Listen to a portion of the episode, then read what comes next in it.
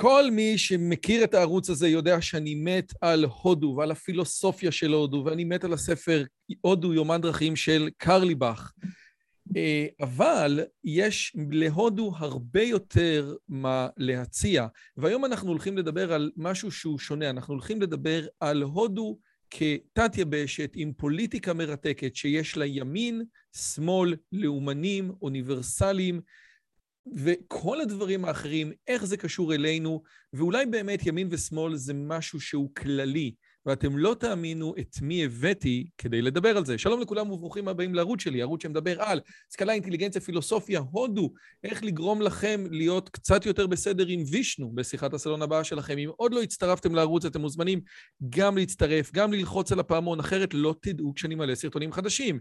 כנסו ליוטיוב, זו פעם ראשונה שלכם פה, תראו איזה דברים מגניבים אנחנו מעלים, כולל הצלחה בלימודים, כולל דברים אחרים. יש לי ארבעה ספרים שכתבתי, אחד מהם זה הספר הזה, הצלחה בלימודים, ספר חובה לכל מורה, מרצה וסטודנט. ואחרי שסיימנו את כל הדברים האלה, אני מתכבד ומתרגש להזמין את האורח שלי, לב ארן. לב הוא... אחד הפנומנלים הכי גדולים שיש לגבי הודו, ואם הייתם יודעים כמה שהעורך של הערוץ הזה, שי רוזמן, התרגש מזה שלב מגיע, אתם לא הייתם מאמינים. אז בגלל שהוא התרגש, אני מתרגש. לב, כתב ההודו של מקור ראשון, אה, ובאמת אחד האנשים שמבינים הכי הרבה את הפוליטיקה ההודית העכשווית. ערב טוב, מה שלומך? בסדר, ברוך השם, טוב. תראה איזה הקדמה, איזה הקדמה, כן. כן, מהקדמה כזאת אפשר רק ליפול, מה שנקרא. אז בשיחה המקדימה שלנו, בשיחה המקדימה שלנו, אמרת את הדבר הבא, שהודו בשביל רוב האנשים זה אחד מהשניים. או שזה המסיבות בגואה וזה המסע אחרי צבא, כל אחד איפה שהוא פוגש אותו, או שזה הודו שלומדים באוניברסיטה, שזה הודו הקלאסית, שזה הוודות, זה האופנישדות, זה הסנסקריט, זה הבודהיזם, זה הדברים האחרים. ואתה לא מתעניין לא בזה ולא בזה, או אם יותר נכון להגיד, המומחיות שלך היא בעצם בהודו במאה ה-20, הודו במאה ה-21. מה קורה מגנדי, דרך נרו, ועד ראש הממשלה החדש שלהם, מודי, שהוא נראה דמות אחרת לגמרי. זה נכון לעשות את ה framing הזה? נכון, אותי יותר מעניין את הודו של היום, של אה, גם במקום התרבותי, בקולנוע, בהיסטוריה, בפוליטיקה, ואת המקום של ההודו של החוויה התרמילאית הישראלית והודו הקלאסית, הודו העתיקה, באמת אה, יש אנשים אחרים שמכירים הרבה יותר טוב. אז אנחנו, כששולמן יהיה פה, אנחנו נדבר איתו על זה. אה, ועם, אה, ועם אורי שוורצמן דיברנו על סמים פסיכיאטריים, אז אנחנו בסדר בהקשרים האלה. טוב, אז בואו נתחיל. אתה בסופו של דבר לא מגיע מהאקדמיה, אתה איש שטח, נסעת להודו המון פעמים. מה, מה גרם לך, אתה יודע, מה, מה... כל אחד שמגיע פה יש לו ex, ex, expertise, אז מאיפה הגיע האלף עיסוק שלך, זאת אומרת, העניין שלך בכזה דבר, שזה באמת מרתק, ומה ה expertise שלך כדי לדבר על הדברים הללו? טוב, אז בואו ניסע 30 שנה אחורה, אני אחרי צבא, אני נוסע להודו, אני, אני באמת לא, לא עושה דברים שונים מרוב הישראלים, אה, אה, כולל הנסיעות למקומות הרגילים, כולל המסיבות, כולל כל הדברים ש, שאתה יכול לדמיין, אבל אה, הודו של סוף 91 ו-92 זה בעיקר במקומות שטיילתי בהם בטיול הראשון, זה מקום שאתה מרגיש את ההר געש מתפתח. נגיד במקומות של הודו שמדברים בהינדי, מה שנקרא הינדי בלט, אני ממש רואה ברכבות את ההודים, ההינדואים עם מדי הזעפרן בדרך למקדש של היודיה, שכעבור כמה חודשים הם פשוט יהרסו מסגד כדי לבנות על החורבות שלו את המקדש. אה, אני רואה את הודו של המיסיונרים הנוצרים, אני רואה את הודו שנאבקת במיסיונרים הנוצרים, זאת אומרת זה הודו של 91-92 היא הודו מאוד תוססת ואני לא מצליח לפספס אותה ואפשר להגיד שמאז אה, דברים שקורים בהודו הם אה, מעניינים אותי גם מנקודת מבט שהיא קצת פחות תרמילאית. שזה מעניין, כי בסופו של דבר עוד מעט נגיע למה שקרה ב-92, הרס המסגד, אבל בסופו של דבר בהודו יש רוב הינדי, מיעוט מוסלמי, רק צריך להגיד מילה, המיעוט המוסלמי הזה הוא יותר גדול מכל המוסלמים בכל הארצות המוסלמיות, אה, גם בכל הארצות הערביות, נכון? גם נכון, יחד. לגמרי, גם יחד. הארצות, המיעוט המוסלמי, אני אגיד שוב, הוא, בהודו הוא יותר גדול מכל הערבים בכל הארצות הערביות גם יחד, וההינדים מול המוסלמים, הדת הזאת מול הדת הזאת, מייצר הרבה מאוד מתחים, שקשה מאוד שלא להסתכל על זה ולהגיד, רגע, זה דומה קצת לדברים שאנחנו מכירים מאגן הים התיכון, כן? זה, זה, גם פה יש לנו מיעוט כזה במדינה כזאת, ומאבקי כוח. זה, זה... אתה שם לב לאורך השנים שאתה חוקר את הודו, וגם ה... מה שנקרא המהפך, בהודו ב-77' היה מהפך שהימין עלה לשלטון, שזה מאוד מאוד מעניין. אתה שם לב להקבלות, יש באמת הגבלות משמעותיות בין הודו והמיעוט, והמאבק במיעוטים שלה, או ההתייחסות למיעוטים שלה ובין ישראל? כן, אפשר להשוות וגם דרך זה אפשר לראות לא מעט הבדלים. אז קודם כל באמת אם נסתכל על תת היבשת ההודית, הודו הבריטית, שהיום גם מכילה את את פקיסטן ואת בנגלדש, ללא ספק זה ה... יש שם הכי הרבה מוסלמים בעולם, גם יחסית לאינדונזיה, גם יחסית לטורקיה, לאיראן, למזרח התיכון הערבי, כל השוואה שנעשה שם, מרכז אסיה, אפגניסטן, כן, זה באמת ה, הכי הרבה מוסלמים בעולם יש ב, אה, בתת היבשת ההודית בסופו של דבר. אמ, כשמגיעים להודו מישראל אי אפשר לפספס את זה שהודו עושה את הכל, זה דרך אגב גם מופיע בספר של קרליבך שככה אה, אני יודע שקראת אותו ויותר מפעם, אה, הודו עושה הכל כדי לתת למוסלמים תחושה של בית, בדגל שלה, בחגים הלאומיים שלה, היו נשיאים, היו שניים או שלושה נשיאים הודים שהיו מוסלמים, שופטי בית משפט עליון הודים ו... אמ, אבי, תוכנית הגרעין, אבי תוכנית הטילים ההודית הוא מוסלמי בסופו של דבר, כן, עבדול קלאם. אז כן, מרגע שמגיעים להודו רואים שהמרחב הציבורי ההודי עושה את הכל כדי להגיד אנחנו לא מדינה הינדואית, אנחנו מדינה של כל ההודים, ובפרהסיה הציבורית המוסלמי, הנוצרי וההינדואי הם שווים לחלוטין, גם אם מבחינת אחוזים זה מאוד מזכיר את ישראל, כן? יש בערך 80 אחוז הינדואים, יש בערך נגיד 15 אחוז מוסלמים, יש בערך 2 אחוז נוצרים, זה, זה לא רחוק מהמספרים הישראלים, אבל האתוס הישראלי הציוני לעומת האתוס של אה, מפלגת הקונגרס של גנדי, של נרו שבנתה את הודו, הוא ממש אתוס הפוך. רגע, אז אני, בגלל שהיום הייתה לי שיחה ארוכה עם שיה, איך אנחנו עושים את השיחה הזאת, אז למה שאתה מדבר עכשיו אני מחכה, ומה שדיברנו בעצם, מה שדיברתי עם שי היום היה שהדרך הנכונה לעשות איתך את השיחה הזאת היא ללכת אולי דרך ההיסטוריה, מגנדי, דרך נרו, שהיה ראש הממשלה הראשון בפועל, כן, אחרי הרצח, ועד למודי. וכדי שזה יהיה יותר בהקשרים האלו, אני באמת מניח שכמו שדיברנו גם אתמול, הקהל הישראלי מכיר את הודו דרך אה, יומן דרכים, ואני רוצה לקרוא מהפרק האחרון איזה פסקה, ועל הפסקה הזאת אולי ננסה להבין, עוד מעט נגיע לנרו, אבל עוד מעט ננסה להבין את הבעיה של האומה ההודית. הפרק האחרון זה פרק שקרליבך בעצם נפגש עם נרו, והפרק נקרא נרו איננו הודו. זאת אומרת, מה שנרו מייצג זה לא באמת הודו. ואז הוא מספר, קרליבך, שהוא נפגש עם איזה בלשן, ושאל אותו איך הם, אה, אה, אה, איך הם אומרים את המילה לאום בעברית. ואז הוא אמר לנו, אין לנו, אצלנו אין את המילה לאום.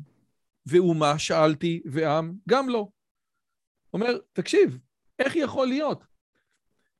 ידעתי שהוא יודע, והוא מטיב להבין ממני שזאת כל צרתה של הודו וכל ברכתה. כי הם 370 מיליון יחידים אינדיבידואליסטים, שכל אחד ואחד מהם התווה את יחסיו עם אלוהים ואדם על דעת עצמו. ויש להם אלפי מילים לסמן כת ותת-כת ועדה ואזורים ומעמדות, אך מכנה משותף למסגרת אחידה אין, והזמן החדש דורש מהם דווקא זאת. והמדינה ההודית הצעירה אין לה תקומה, אלא אם כן תיצור יש מאין אומה הודית. וזה אומר קרליבך אחרי שגנדי נרצח. מה גנדי חשב על האומה ההודית? האם יש אומה הודית או אין אומה הודית? אוקיי, okay, אז אני, אני לא ככה, קודם כל קרליבך הוא, הוא גם אה, מורי ורבי ו, וקראתי אותו. ו, אגב, אתה גם יכול ל, מאוד... ל, להגיד שהוא לא צודק, זה, זה אחלה. אני, אני אאלץ להגיד את זה באיזשהו שלב, כן, זה לא, לא יעזור לנו, כן, אה, יש, יש מקומות שבהם גם אם אני גמד על כתפי, כתפי ענקים, עדיין אני רואה טיפה יותר גבוה מהם. אז אמ, אה, גם לימין ההודי וגם לשמאל ההודי יש תפיסה של אה, עם הודי. יש תפיסה של מה שנקרא נשיונליזם, אין פה, אין פה שאלה בכלל, כן?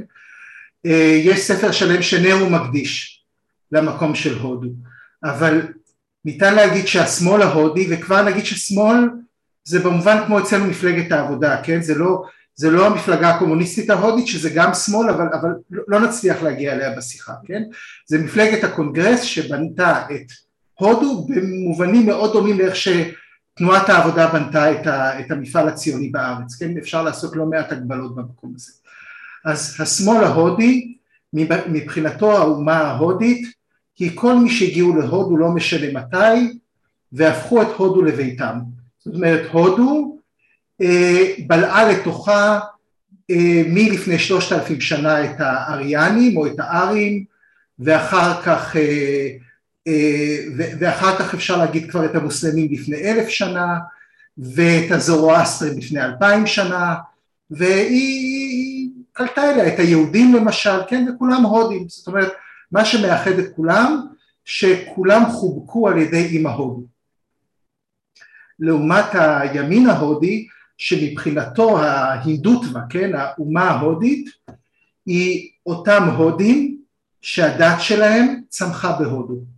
הינדואים, סיקים, ג'יינים, בודהיסטים לצורך העניין, גם הפרסים, כן, המאמיני זרטוסטרה שם איפשהו על הגבול, אה, והאומות האחרות, נקרא לזה האומות השמיות שהיהודים פה באמת בטלים בשישים, בסוף אנחנו מדברים בעיקר על הנוצרים ועל המוסלמים, הם לא חלק מהאומה ההודית, כי הם, המרכז הרוחני שלהם הוא מחוץ להודו.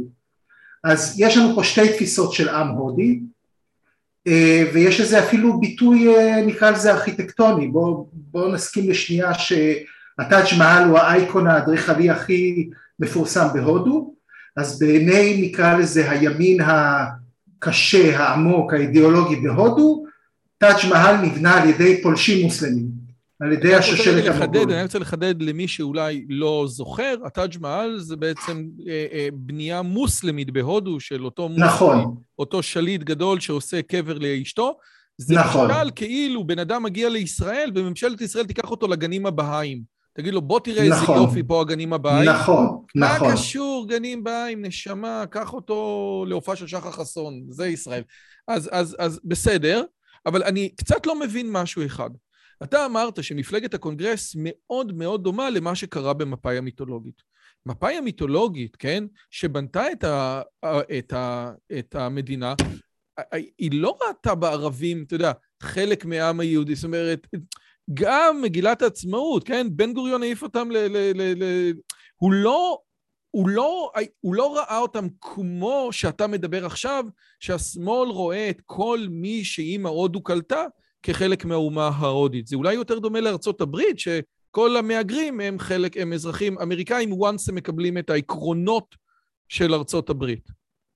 אז, אז אני אסביר, זה, אתה לגמרי צודק. אני, אז אני צריך לחדד את עצמי, כי כנראה מקודם אה, הסברתי לא נכון. תנועת העבודה ומפלגת הקונגרס מאוד דומות במובן שהן מקימות מדינה בתוך מדינה לפני שהן מקבלות עצמאות. Oh. להודו, להודו כבר יש מדליות זהב בסתם הוקי שדה עוד לפני שהיא מקבלת עצמאות. אה, הודו מקבלת אה, פרסי נובל עוד לפני שהיא זוכה בעצמאות, אוקיי? זאת אומרת בהודו כבר יש את מפלגת הקונגרס שהיא כבר סוג של אוטונומיה בתוך הודו, היא כבר בדרך למדינה עוד לפני שהבריטים עוזבים בפועל את הודו. ובמובן הזה היא מאוד מזכירה את מפלגת העבודה הישראלית, הישראלית או את תנועת העבודה לא במובן שהם אספו נשק, לא, לא במובן של האתוס הלאומי שלהם, כן במובן שכבר הייתה מדינה בדרך. ואם תסתכל על תנועות לאומיות אחרות, תראה שזה לא רוב המקרים הלאומיים שאתה מכיר. רגע, אז, אז, אז עכשיו, אז אתה בעצם מסביר לי כמה שקרליבך מדבר שטויות. איך יכול להיות, איך יכול להיות שיש כבר מדינה בדרך, שיש כבר פרסי נובל, שהם שולחים את הנציגים של האומה ההודית לאולימפיאדה, ואין להם אומה. לכאורה שכנעת אותי שקרליבך, בקטע שקראתי, הוא לא צודק.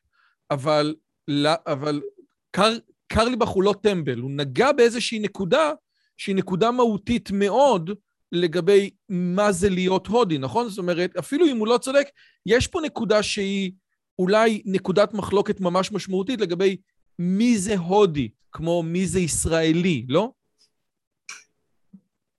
אמ, אם אנחנו מסתכלים על ההגדרה של עם במובן המודרני האירופאי, אז אני לא מתפלא שה...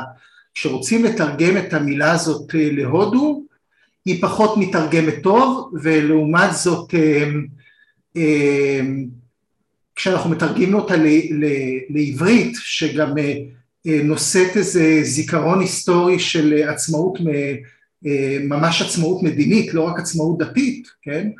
אז המילה הזאת מתרגמת יותר טוב, אבל אני לא מסכים עם קרליבך של אבות האומה ההודית, בין אם הם באו מימין ובין אם באו משמאל, ובין אם הם היו בתוך מפלגת הקונגרס ואז הם פרשו ממפלגת הקונגרס ובנו את פקיסטן, נגיד כמו ג'ינה, כן, המנהיג הראשון של פקיסטן, כן הייתה להם תפיסה של עם במובן המערבי שהתפתח במאה ה-19. מי שהייתה לו פחות תפיסה כזאת זה מהטמה גנדי, אבל מהטמה גנדי בחר בשלב מאוד מוקדם לא להיות לגמרי חלק מה... המשחק הפוליטי, הוא היה נשיא, מפלג, הוא היה נשיא מפלגת הקונגרס איזושהי תקופה, אבל גם אם הוא לא היה נרצח הוא אף פעם לא היה הופך להיות לא נשיא הודו ולא ראש ממשלת הודו, הפוזיציה הזאת של מנהיג רוחני או יועץ עליון היא הייתה עמדה יותר אה, נוחה לו וגם יותר נוחה למפלגת הקונגרס. אולי בגלל אז... אה, שבן אדם כזה היה צריך בסופו של דבר להחליט על דברים מסוימים. אני רוצה רק לחדד, אה, מאטמה גנדי לומד גם בקמברידג', כן? גם יש לו את המקומות, איך אומרים, גם טעם מהמערב, באיזשהו שלב חוזר להוד, הוא מתחיל חיים סגפניים, הולך תמיד עם הקישור שלו, כן? עם הטובה, נגד מודרניזציה של הודו, גם נגד הקמת בתי חולים מערביים, טוען שהרפואה ההודית היא עדיפה על הרפואה המערבית, פציפיסט בצורה בלתי רגילה, כן? נכון. משהו שהוא כמעט, אה, אה, אה, משהו שהוא לא הגיוני, יש כל מיני דברים שדיברו על גנדי, כן? שמנסה לשכנע את העשירים שהוא מתארח אצלם, לחלק את העושר שלהם, והוא אומר... אה, ואומרים לו, נו, הצלחת לשכנע? הוא אומר, עוד לא הצלחתי, אבל לאט לאט, אם לא עכשיו, עוד קצת. משהו מאוד מוזר. אגב, הפציפיזם הזה באיזשהו שלב התנגש עם המציאות, כי גנדי בעצמו אמר שהודו צריכה צבא כדי לשמור עליה מפני פולשים שינסו לחבל בעצמאות שלה. אז הפציפיזם הזה זה עד גבול מסוים. ואחד הדברים הכי חשובים לגבי גנדי, וזה מה שאתה אומר, שהוא מנסה להכיל את כולם. זאת אומרת, גם בוויכוח נגד פקיסטן, האם המוסלמים רוצים להיפרד מהודו, הוא מנסה שהודו תהיה אחת. מה יש לו בראש? מה המודל שלו, של הודו? כאילו, מה יחבר את כל האנשים נכון, הזה? נכון, נכון. אז, אז הנה, אז פה בדיוק שאלת המפתח, כי בשביל גנדי וגם בשביל כל מפלגת הקונגרס ההודית, גם המוסלמים שחיים בהודו הם הודים בדיוק כמו ההינדואים. אה, קודם כל מה, מהתפיסה הערכית שלהם, כן? ש, שהודו היא מדינה שאנשים הגיעו אליה מכל מיני מקומות והם כולם הודים. אה, וגם אה, אפשר להביא, לזכור שהיסטורית בניגוד לנו ולפלסטינים שאנחנו כל אחד הגיע מסיפור אחר הרי בכל זאת 90 אחוז מהמוסלמים בהודו זה הינדואים שהתאסלמו בשלב מסוים, כן? אבות אבות אבות אבותיהם באיזשהו שלב כן היו כנראה הינדואים או שייכים לאיזושהי דת מקומית הודית אחרת, כן? וכנ"ל לגבי הנוצרים שהם בעיקר בצפון מזרח הודו ובדרום העמוק של הודו בקרלה. אז התפיסה של מפלגת הקונגרס שבעצם הקימה את הודו ונאבקה על העצמאות שלה באופן בלתי אלים אבל אחר כך גם בסוג של מאבקים אלימים מול פקיסטן, התפיסה שלה זה שכולם הודים באותה, באותו אופן, בניגוד לתפיסה של התנועה הציונית מדינת ישראל היא בית לעם היהודי, כן, צריך להיות שוויון למיעוט הערבי, כן, הם צריכים להיות שותפים בבניית הארץ, אבל כשאתה חושב מה, מהו הרציונל, בשביל מה אני בכלל מקים את המדינה הזאת, למה חשוב לי שהבריטים יעזבו את הארץ, אז ההודי והציוני, ההודי של מפלגת הקונגרס והציוני של תנועת העבודה וגם כמובן התנועות ימינה נותנים תשובות אחרות לחלוטין, אפילו הפוכות. ולכן גם... רגע, אז הציוני יגיד, אנחנו רוצים בית לאומי, לא עוד שואה, אנחנו רוצים להגן על עצמנו. הציוני הדתי, ואולי נגיע אליו עוד מעט, אולי מודי, זה סוג של uh, בצלאל סמוטריץ', כן? הציוני הדתי יגיד, אנחנו רוצים לחזור לממלכת ישראל השלישית, כן? ועוד, ומה, וה, ואותו חבר מפלגת הקונגרס ההודית שמקבל את כולם, יגיד, בסופו של דבר, כולם שייכים לאימא הודו, כולם שייכים לאותו אה, עץ, אה, אה, איך אומרים? לאותו גזע קדמון הודי. נכון, וגם בפרפרזה על, על פרומן, שאמר זה לא שארץ ישראל שייכת לעם ישראל, עם ישראל שייך לארץ ישראל, אז כן איזושהי תפיסה שיש בה איזה מרכיב רוחני שההודים שייכים לארץ שלהם, לא ולא הפוך, כן? זה לא שהארץ שייכת ל, אלא הקהילות יותר שייכות להודו, מי שבחר בהודו בתור המולדת שלו הוא הודי, תחשוב, אני אתן דוגמה כמעט אבסורדית, עד היום בפרלמנט ההודי שמורים שני מקומות בפרלמנט לאנגלו-הודים, זאת אומרת אותם אנגלים שבחרו להישאר בהודו אחרי שהבריטים עזבו את הודו, גם הם נחשבים לפי התפיסה השמאלית של הודו, נגיד של מפלגת הקונגרס, הם לחלוטין חלק מהודו, למרות שהם הגיעו דרך הכידונים הבריטים אולי מאה שנה קודם, ועדיין הם, הם לא פחות הודים מההודים שהגיעו לפני שלושת אלפים שנה או תמיד חיו בהודו, מאז ומעולם. בשיחה שלנו אתמול, אתה דיברת על זה שהיהודים הם לא אורתודוקסים, כן? אלא אורתופרק... אה, אורתו... אורתופרקסים. אור, אורתופרקסים, זאת אומרת, הרעיון נכון. לא משנה מה אתה מאמין, משנה יותר מה אתה עושה. לייבוביץ', מי שרוצה, יש לו מאמר מאוד מפורסם שנקרא מצוות מעשיות. הרעיון המרכזי מאחורי הסיפור הזה זה שכל דבר שלא נוגע במצוות המעשיות נשאר חלק מהיהדות. הדוגמה הקלאסית זה החסידות שבעצם שינתה את הפילוסופיה היהודית ואת התפיסה ואת ההסתכלות אל מול אלוהים מהקצה אל הקצה ונשארה איך אומרים, זרוע אה, אה, אה, לגיטימית ביהדות, מכיוון שהיא לא נגעה בזמן קריאת שמע. לעומת הנצרות או השבתאות שנגעו במצוות המעשיות, הם עפו מה, אה, אה, נכון. מהרעיון. ויש מאמר לליבוביץ' מקסים שנקרא מצוות מעשיות, הוא נמצא בדעת, ומי שכותבים מצוות מעשיות של ליבוביץ' יכול לראות את המאמר הזה. אתה טוען שה, שההודים הם די, די דומים ליהודים מה, מההקשר הזה, ותס, וסליחה שאני חופר על הנקודה הזאת עוד קצת. במה אותו אה, אנגלו-הודי, כן? או במה אותו מוסלמי-הודי? אם אתה אומר שההודי הם אוטו-פרקטים, אז הם אמורים, לא יודע מה, אה, לשלוח מתנות לגנש, אה, אני, אני לא יודע מה, לא לאכול בשר, כאילו, יש, זה בא לידי ביטוי בפרקטיקה, העובדה שהם הודים, או שזה שום דבר, זה סתם? לא, לא, ההינדואיזם הוא לגמרי אורתופרקסי, הרבה יותר מאשר אורתודוקסי, הוא הרבה פחות עסוק בדוגמה, כן, הרבה פחות עסוק... אני לא דיברתי על ההינדואיזם, אני דיברתי על העובדה שמפלגת הקונגרס רואה בכולם חלק מהודו. ברור שההינדואיסטים הם פרקטיים. אני שאלתי במה מתבטא ההודיות של המוסלמי או של האנגלו-הודי. וזה אני, בזאת שאלתי, זה כמו שאני שאלתי... התפיסה, לי... התפיסה, התפיסה של מפלגת הקונגרס זה שזה לא עניינה של המדינה, זה ה secul, ה secular, כן?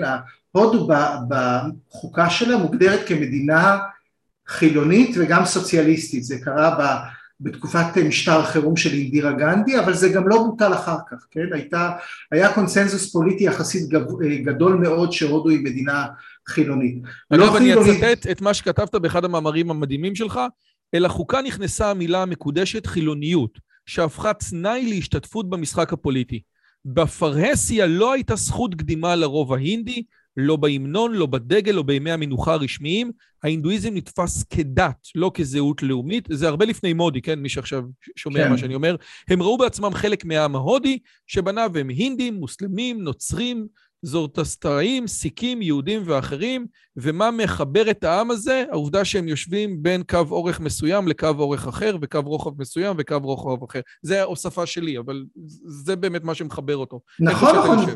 זאת אומרת, מבחינת מפלגת הקונגרס שבנתה את הודו, עוד לפני שהבריטים עזבו אותה, עצם העובדה שאתה חי בהודו ובחרת בהודו, את המדינה זה פחות מעניין אם אתה נוצרי או הינדואי או מוסלמי, זה, זה, זה, זה, באמת, זה באמת פחות משנה, אבל זה כן מתחבר עם המקום האורתופרקסי של, ה, של ההינדואים במובן שאתה חי בקהילה, אתה עושה את הדברים שלך, אתה עושה את הדברים כמו שההורים שלך עשו, זה, זה good enough, זה טוב דיו, לא, אתה, זה, לא צריך מעבר לזה ולא כל כך משנה במה אתה מאמין לצורך העניין. ועכשיו אני רוצה ללכת לשתי תובנות, ש... לשתי תובנות, אחת שלך ממש, והשנייה שאתה הבאת לי אתמול שפירקה לי את הראש, אבל היא גם מדהימה. אז בוא נתחיל מהתובנה שלך ממש. אחת, אחת מהדברים, אחד מהתובנות שלך שחוזרות במאמרים שלך, זה שבהודו שונה מישראל בזה שבישראל היהודים מרגישים שהם בעלי הבית. הדבר הזה בא לידי ביטוי, ואני מצטט אותך, בשמות של הרחובות, בחגים הרשמיים. אם אין לך חבר ערבי, אתה לא יודע מתי זה עיד אל פיטר ועיד אל אדחא, וכאילו, אתה לא מכיר את זה, כן? אה, אתה גם לא יודע, אתה גם לא מכיר את המאכלים הערביים מעבר לפולקלור של החומוס צ'יפ סלט, כן? לעומת זאת, אתה כן יודע מתי אוכלים סופגניה ומתי אוכלים אוזן המן, ושאין מצות אז יש לחץ גדול מאוד, ושאין ביצים לפסח אז הממשלה נכנסת בזה, כן? תחשבו שלא היה אה, חוטים לכנאפה, כן? אז הממשלה הייתה לוקחת בזה איזה, איזה משהו. דוגמה מזה, יפה, דוגמה יפה. כן, ממש, כן. כל עולמי, כל עולמי זה רק אוכל. כן. אה, והדוגמה שאתה מביא היא יוסי ביילין. יוסי ביילין, שוודאי אי אפשר להאשים אותו בתפיסה לאומנית כלשהי, כן? הוא השמאל השמאלי ביותר, הוא המייסד והיוזם של פרויקט תגלית. כאשר יוסי ביילין רואה שיש התבוללות של, יעדי, של יהדות ארצות הברית, אומר, אין דבר כזה, אנחנו צריכים לדאוג, אני, אני לא יודע אם הוא אומר, אנחנו צריכים לדאוג להם, אבל אנחנו צריכים.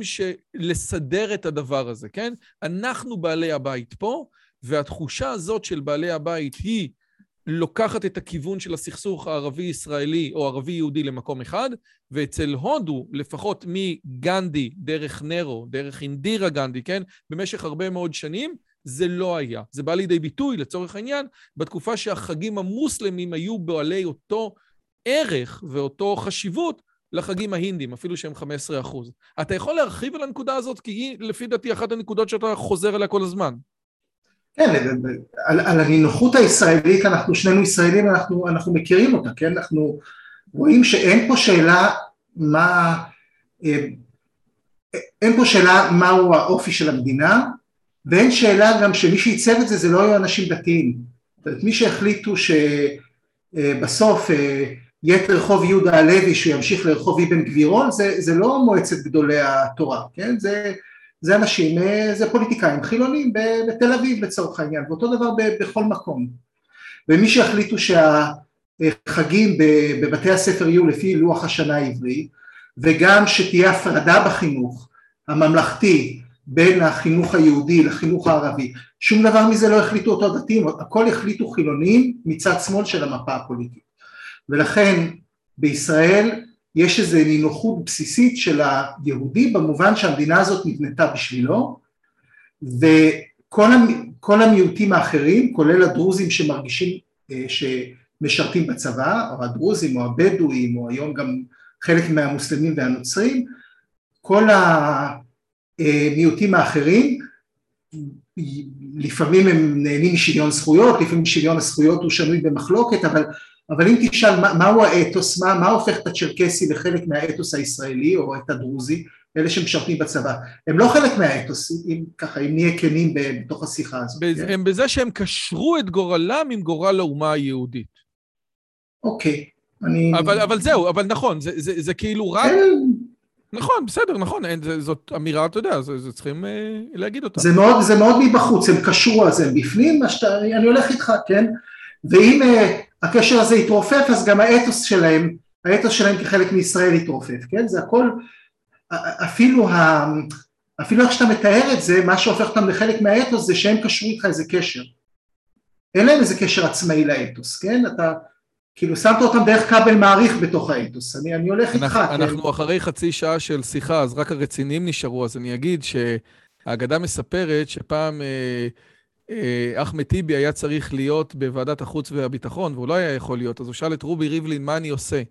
אז רובי ריבלין ענה לו בהומור, אתה כמו הביצים, משתתף אבל לא נכנס, כן?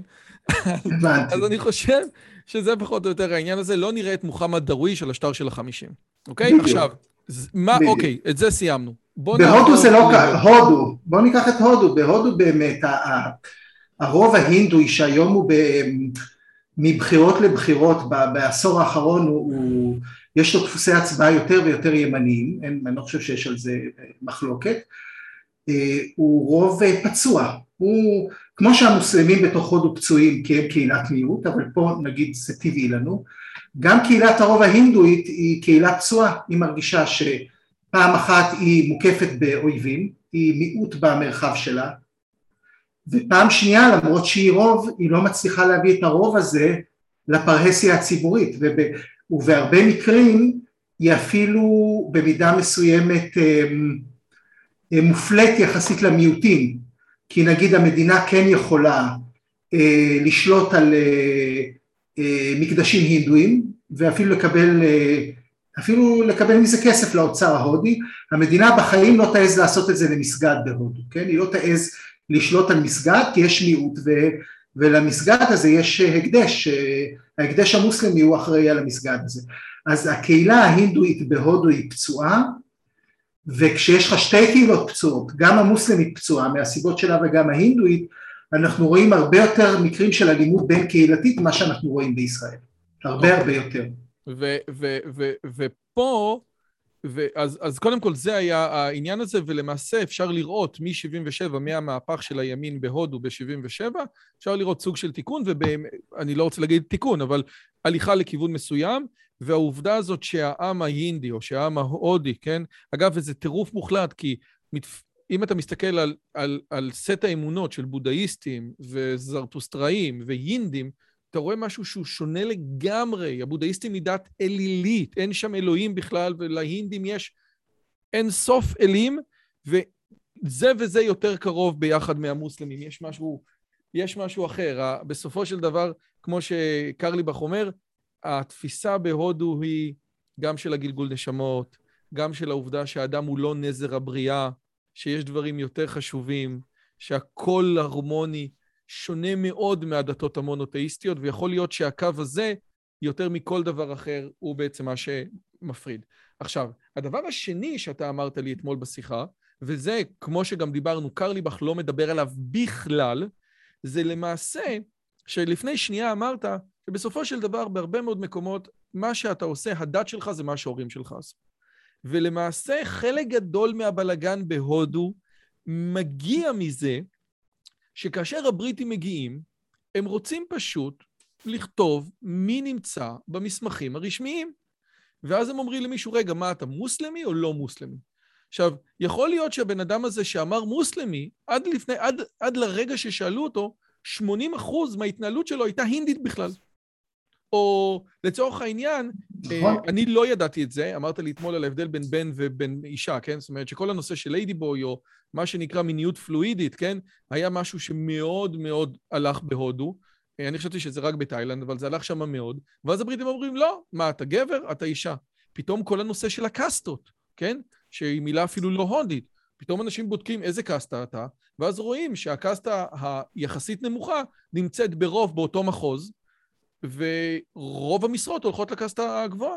ופתאום למעשה בזה שהבריטים מחייבים את ההודים להגדיר את עצמם, את אותם הודים שבחיים לא חשבו להגדיר את עצמם במונחים מערביים, הבריטים האלה מייצרים את כל הבלגן. זה משהו שהפך לי את הראש, ואם תוכל גם להרחיב על זה, רגע לפני שאנחנו מגיעים לנרו. אוקיי, בסדר. אז אני חושב שגם כשאנחנו אומרים מיניות פלואידית, גם כשאנחנו אומרים דברים על מוסלמים ועל הינדואים, אנחנו צריכים להיות באיזה מקום צנוע, כי אנחנו לא באמת יודעים באופן, איך, אנחנו לא באמת בטוחים מה היה בהודו לפני שהבריטים התחילו לתעד אותה באופן מסודר, היו, היו אנשים שנסעו להודו ותיעדו אותה, מוסלמים וסינים והכל, אבל, אבל רק מרגע שיש אדמיניסטרציה בריטית, אז אנחנו מתחילים להסתכל על זה בכלים מערביים, כי אפילו השלטון המוגולי שגם היה שלטון מאוד מסודר, כן, היה שלטון מסודר ו, ו, והרבה מאוד מהדברים היום בהודו הם, הם עדיין תורשה של השלטון המוגולי, אפילו הם לא עשו את המפקד שהבריטים עושים ובעצם גורמים להודים להסתכל אחרת על עצמם, כן?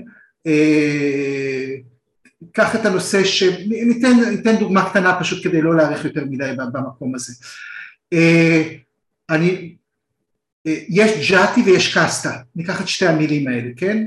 ג'אטי זה יותר הקהילה הבסיסית שלך, זה יכול להיות כמה אלפי אנשים, קסטה, נתייחס לזה לצורך השיחה, הארבע קסטות המרכזיות, כשבקצה שלהן זה המעמד המנודה, הדליטי, יש אנשים שמדברים על טמאים, לא משנה מה, יש לזה הרבה טרמינולוגיה. חסרי הכת. חסרי הכת, כן, ההריג'נים, ילדי האלוהים, כאילו איך, ש, איך, שקרא, איך שגנדיג'י קרא להם והכל, כן? אז יש לך, יש לך את כל האנשים האלה. עכשיו, אחד מהדברים שבהם היו מאופיינים נגיד הקסטות הגבוהות, זה בזה שהנשים הן, הן מופרדות מה, מהגברים. יש להם את הזננה שלהם, כן, יש את האזור הנשי, יש את האזור היותר גברי, קרליבך כותב על זה מאוד יפה, כן, גם צריך לעשות צדק עם קרליבך, הוא הגיע לכמה שבועות, בכמה שבועות שהוא היה שם, הוא עשה עבודה מדהימה, כן, אי אפשר, אני לא חושב שאפשר היה להגיע ליותר מזה בזמן שהוא היה בהודו. גם, אה, וגם זה שלקרליבך הצמידו אנשים מאוד מסוימים. ללא ספק, ללא ספק. קרליבך רע, מי שקורא את קרליבך ורואה את, את השיחות שיש לו עם הודים, זה לא ההודי הממוצע שאתה פוגש ברחוב, כן? זה אנשים שבקיאים בספרות המערב ובתרבות התנ"כית, ויודעים ישר והפוך את הפילוסופיה שלנו, ויודעים עד כמה שהפילוסופיה שלהם עליונה. זה שיחות שהוא באמת ראה את העילית שבעילית. נכון, נכון, נכון. וזה לזכותו, לא לגנותו. אמ, אז אה, אה, כשהבריטים בעצם מתחילים לסדר את הודו, גם הודים שחשבו שהם, נגיד הם החשיבו את עצמם שהג'אטי שלהם הוא בקסטה גבוהה, כן? ולא תמיד זה מסתדר ככה במסמכים ההודים, וגם יש תהליך שנקרא אצל מוסלמים אשרפיזציה, אתה הופך לאשרף, או סנסקריטיזציה אצל ההינדואים, זה, זה תהליך מאוד דומה אצל שניהם, שכל מיני קהילות שכדי, שרוצות להיות בקסטה יותר גבוהה, הן מתחילות להתנהג את הקסטה היותר גבוהה, אחד מהדברים הוא הפרדה בין נשים לגברים, כי דרך העין הבריטית, ההודים בעצמם מבינים שאם אתה שייך לקסטה גבוהה, אז אה, מן הראוי שאחרי שאתה מת אשתך תישרף על, אה, באותה אש שאתה בה נשרפת. אם לא אז אה, מה, אז מה הופך אותך בדיוק לקסטה גבוהה? ככה מתנהגים בקסטות גבוהות. אם אתה בקסטה גבוהה אז האישה מופרדת מבעלה, כן? הנשים נמצאות במקום אחר, כן? אם אתה בקסטה גבוהה, אתה ראוי שתהיה צמחוני, תלוי שוב איזה קסטה גבוהה והכל. אם אתה בקסטה גבוהה, המקום של נישואי קטינות הוא כבר, הוא כבר פחות, אה, הוא פחות, אה, הוא פחות ראוי לך. וכמובן כל העניין הדמוגרפי, אני לא חושב שהבנגלים הבינו שיש כזה רוב מוסלמי באזור של בנגל, מה שהיום הוא ווסט בנגל בהודו ובנגלדש שהיא מדינה עצמאית, עד שהבריטים לא התחילו לספור אותם. עכשיו ברגע שאתה מתחיל לספור את האנשים, חלק מה... המיעוט שמקבל את המשרות הגבוהות מרגיש מאוד מאוים והרוב שלא נגיש למשרות האלה פתאום בא ואומר רגע אבל לא ידענו שאנחנו 52 אחוז במחוז שלנו אבל אנחנו לא, איפה זה מתורגם לכוח פוליטי? אז אה, מרגע שמתחילים לסדר אותך וכמובן זה אותו דבר בזהות דתית מוסלמים שחגגו את כל החגים ההינדואים שהיו באזור שלהם זה כמובן נוגע גם בזהות מינית כי אני מניח שרוב האנשים כן הזהות המינית שלהם הייתה יציבה אבל, אבל הייתה בהודו ויש עדיין בהודו הרבה יותר אה, לגיטימציה לזהות מינית שהיא זהות, אה, אני לא יודע, לא זהות מינית במובן של הומוסקסואל והטרוסקסואל, במובן של האם אני גבר או האם אני אישה, כן? אה, אגב, אתמול אמרת לי שבמשפט של הרצח, אותו בן אדם שרצח את גנדי, הרבה יותר מהסיפור של המוסלמים והאינקלוסיב של, של המוסלמים בתוך התרבות ההודית, הרבה יותר זמן הוא הקדיש בטיעוני ההגנה שלו לנקודה הזאת. כן, גודסה שרצח את גנדי היה הרבה יותר עסוק בפגיעה של גנדי בזהות הגברית של הודו, במקום הזה שגנדי בעצמו, אפילו הזהות שלו היא גם גברית וגם נשית, מאשר בכניעה למוסלמים שגם כן מאוד הפריע לו, אבל אם אנחנו מסתכלים על הכתיבה שלו וגם על הכתיבה שלו, על המקום שלו במשפט עד, ש, עד שהוא סיים את חייו והכל, אנחנו רואים שהשיש אה, ננדי כותב על זה יפה מאוד ככה מי שרוצה להרחיב, אה, המקום הזה של האם הלאומיות ההודית היא לאומיות אה, אירופאית רגילה שבנויה על גבורה וגבריות, האם היא משהו כזה פלואידי ולא ברור, זה הרבה יותר הציק לו מה, מהעניין של זכויות המיעוטים בהודו, כן. אגב, המיעוט ההודית לגבי גנדי באמת הייתה פציפיסטית, כן? זה, זה, זה, זה חלק, האתוס של המלחמה המערבית לא היה חלק מזה. וזה שני דברים, ומפה אני רוצה לעבור לנרו ולצטט אותך. האמת היא, אני לא מצטט אותך, אני מצטט את מאוליק, אבל אני מצטט אותו ממאמר שלך. ג'ובל נרו, או בטח אני אומר את זה לא נכון, ג'ו הרלל, נרו? של הכללה, נרו, תגיד נרו, כאילו אין שם ה'. נרו, כל פעם כן. שאני מדבר עם שעיה, הוא נותן לי בראש על זה, כן? צודק, אתה תלמד בסוף. בסדר, ראש הממשלה הראשון של הודו היה גם האב המייסד של שושלת ששלטה פה רוב השנים מאז העצמאות. אני מזכיר, הבת של נרו, אינדירה גנדי, הייתה גם כן ראש ממשלה במשך הרבה מאוד זמן. למעשה, עד 2014, נרו יצר בהודו שני דברים שאנחנו לא מצליחים לפתור עד היום. פייסנות כלפי מיעוטים, שהיא בעצם השפלה של קהילות הרוב. בעצם מי שאומר את זה מדבר על, על, על, על, על, על בדיוק ההפך ממה שמודי עושה היום, ואין סוף העדפות מתקנות למיעוטים, מה שמייצר בינוניות במגזר הציבורי ומעודד קהילות מיעוט להסתגר במקום לראות את עצמם כחלק מהמכלול ההודי, זה כמעט כמו לקרוא את המוות המוזר של אירופה. אז איך יכול להיות שבן אדם שהוא אתאיסט, כן? לא מאמין בשום דבר. קרליבך מדבר על כמה שהוא בז לתרבות הזאת של הפסלים ושל הזה, ונותנים לו והוא צריך להצטלם עם הפסלים, הוא בז לזה. איך יכול להיות שבן אדם שהוא אתאיסט, אה, והוא... הוא, אה, עכשיו, הוא מאוד בעד מודרנה, כן? יחסית, ל, אה, יחסית לגנדי, אבל איך יכול להיות שהוא מתנהג ככה, כן? זאת אומרת, שהוא בעד העדפות המתקנות, או אתה יודע מה, אולי נשאל את זה אחרת. מה הדבר החשוב ביותר שנרו נתן להודו? טוב, אז קודם כל באמת אה, אה, אה, אי אפשר לדמיין את הודו בלי האתוס של, של נרו, ובאמת אחד מהאתוסים של נרו זה שלא יהיו בהודו מיעוטים שלא ירגישו שהם חלק מהסיפור הגדול. זה אחד מהדברים שהוא למד מהלאומיות של אירופה, שהוא ראה אותה כשגויה במובן הזה, זאת גם הייתה אחת הסיבות שהוא באמת היה אנטי ציוני, נרו, גם במובן של חלוקת הארץ שהוא מאוד התנגד לה, וגם במובן של הסיפור הציוני שלא רואה את עצמו כחלק מהמכלול, כן? אז אה, נרו ללא ספק עיצב את הודו במובן הזה, הודו גם בנה, נרו גם בנה את התוכנית החמש שנתית, ועדות התכנון שרק מודי ביטל אותם ב-2014, הם כבר היו די די צולעות עוד קודם, אבל אה, מודי הרג אותם סופית כשהוא עלה לשלטון, אז אה, נרו בנה את הכלכלה המתוכננת, את מדינת כל אזרחיה בהודו, ואת המקום שהמילה חילוניות היא לא באה כנגד הדתיות, אלא היא באה לסמן את המקום של השוויון בין הדתות במרחב הציבורי. אלה דברים שנרו הביא אה, להודו, כש... הוא כן ראה את הגדולה של הודו בעבר, אבל בשבילו הגדולה הייתה גם תקופת הוודות והאופנישדות ההינדואית וגם התקופה המוגולית של המוסלמים, כאילו בשבילו גם זאת הייתה תקופת זוהר וגם זאת הייתה תקופת זוהר, פה ההינדואים שלטו, פה המוסלמים שלטו, מה זה חשוב, כן? זאת, זאת התפיסה בגדול של נר.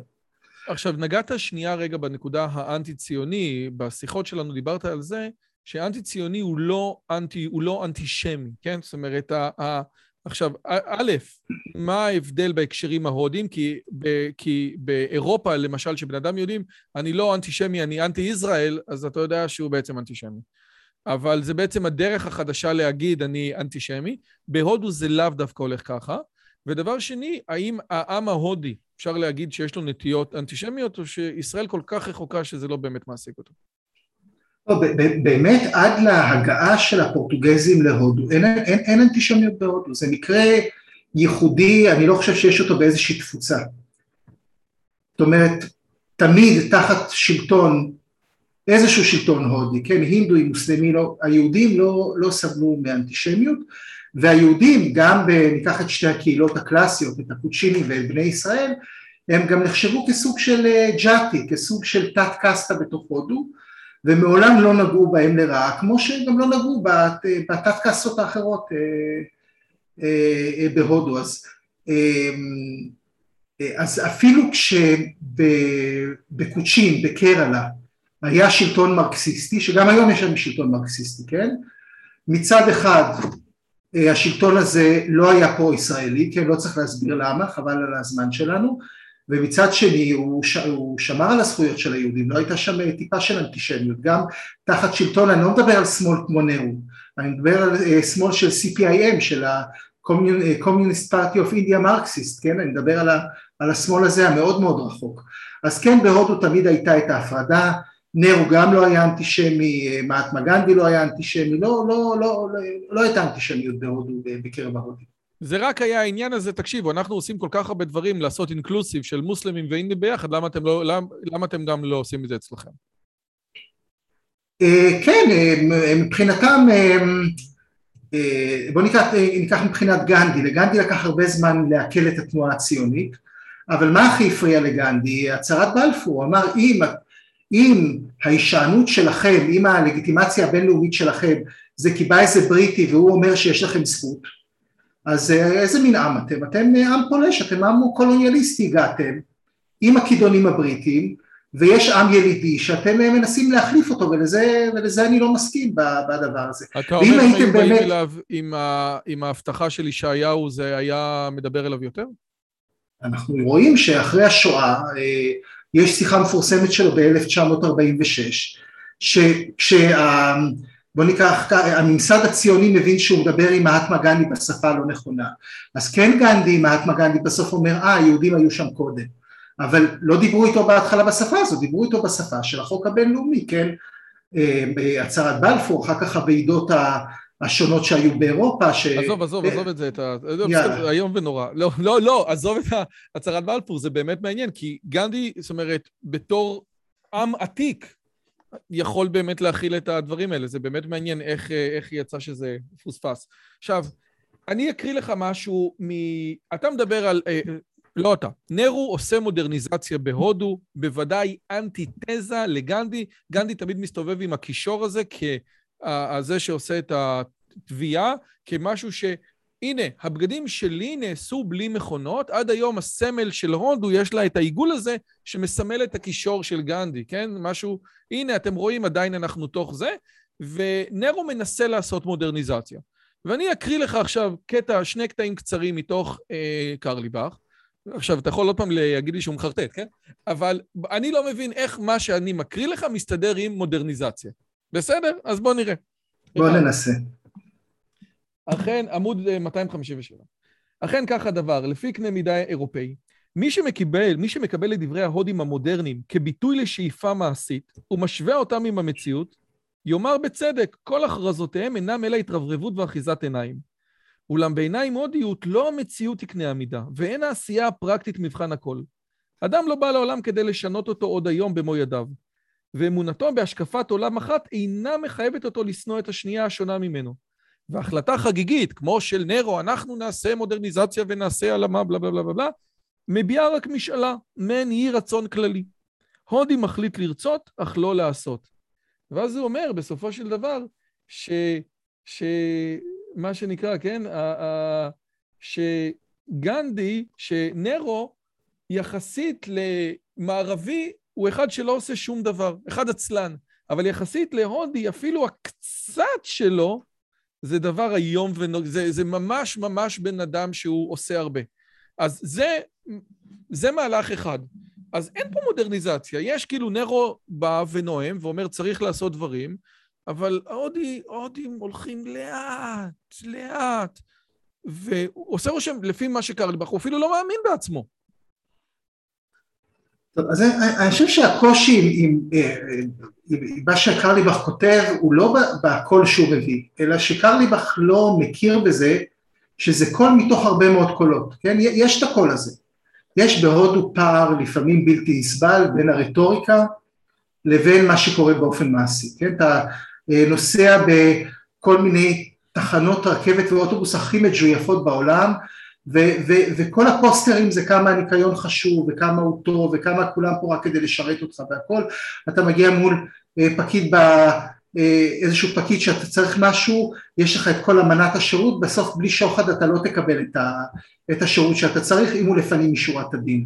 אז, אז ה- ה- השאלה לא אם הקול הזה הוא אותנטי, ברור שהקול שקרליבך מביא הוא קול אותנטי, השאלה היא האם זה הקול היחיד האפשרי שניתן לשמוע ואני מציע שכן נסכים על זה שהקול של הודו הוא ריבוי, לא קול אחד.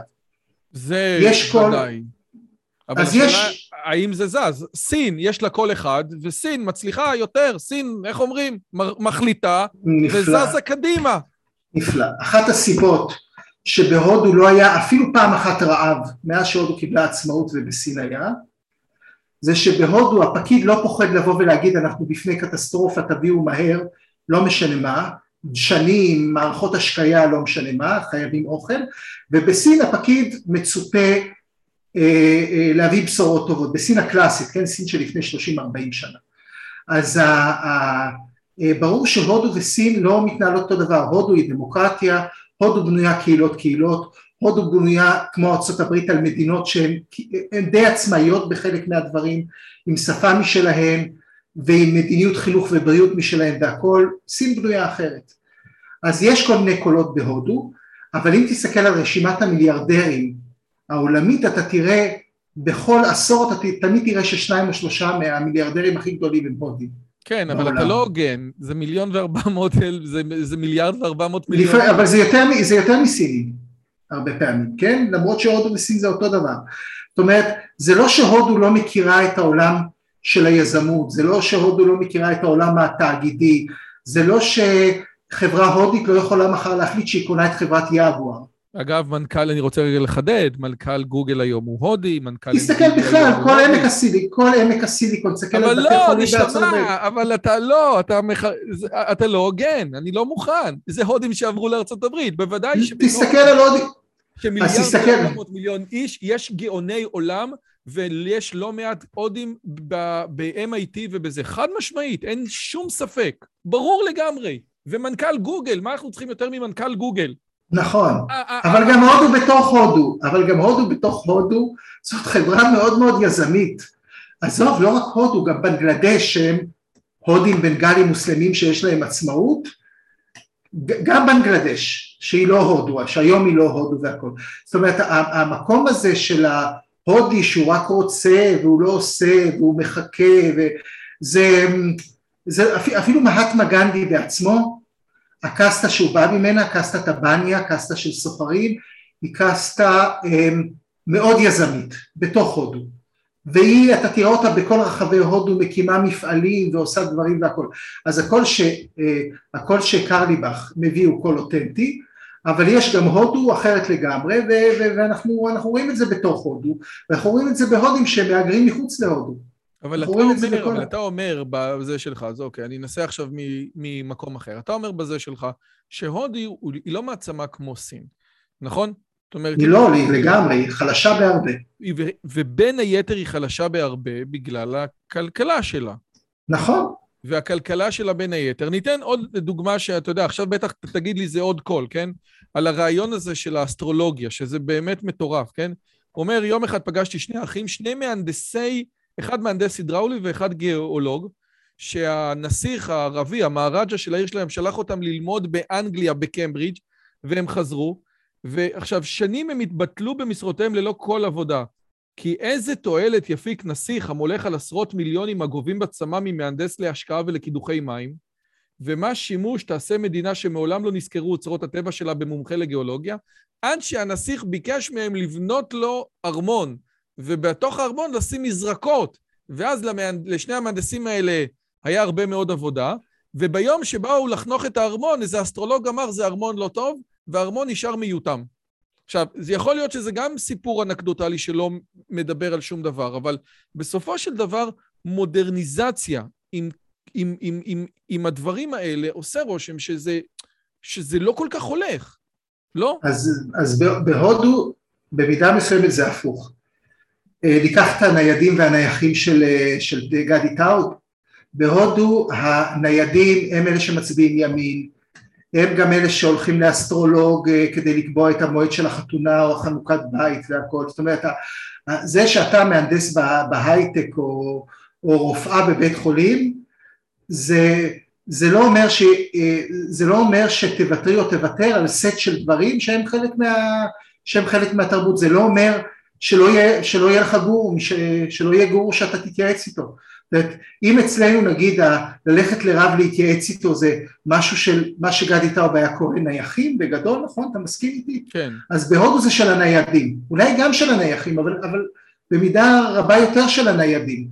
ו, ורוב האנשים שאני פגשתי מהמעמד הבינוני עם המשרות המכובדות, יש להם מורה רוחני, הם כן הולכים לאסטרולוג בכל האירועים החשובים שלהם, הם, זאת הדרך שלהם והם לא, הם לא, הם, הם לא רואים שום סתירה במקום הזה וגם יש להם אמונה מאוד חזקה שלצד המקום של המדע שהם מאמינים בו לחלוטין, המדע המערבי, הם גם מאמינים ש...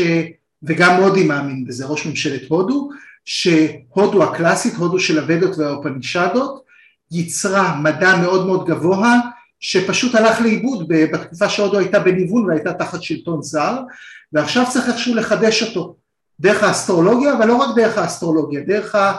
הם, הם מסתכלים על המקומות של פיזיקה, של מתמטיקה, זאת אומרת כן להודו יש חיבה מאוד גדולה, הודו של המעמד הבינוני, שהיום היא בעיקר ימנית, יש לה חיבה גדולה לעבר הקדום שלה, כולל אמונה שהיו שם יסודות מדעיים מוצקים שצריך אה, איכשהו לחצוב אותם, צריך להעלות משם ניצוצות. אגב, בהערת סוגריים, שיה אמר לי היום בשיחה ש... מי ששמע פעם בהרצאה של מחזירים בתשובה על העובדה הזאת שכתוב בגמרא, כאשר כורתים עץ, הוא צועק מסוף העולם ועד סופו ואין קולו נשמע, אז כל המחזירים בתשובה מדברים על מחקרים שעשו אנשים ובאמת ראו שצמחים מרגישים.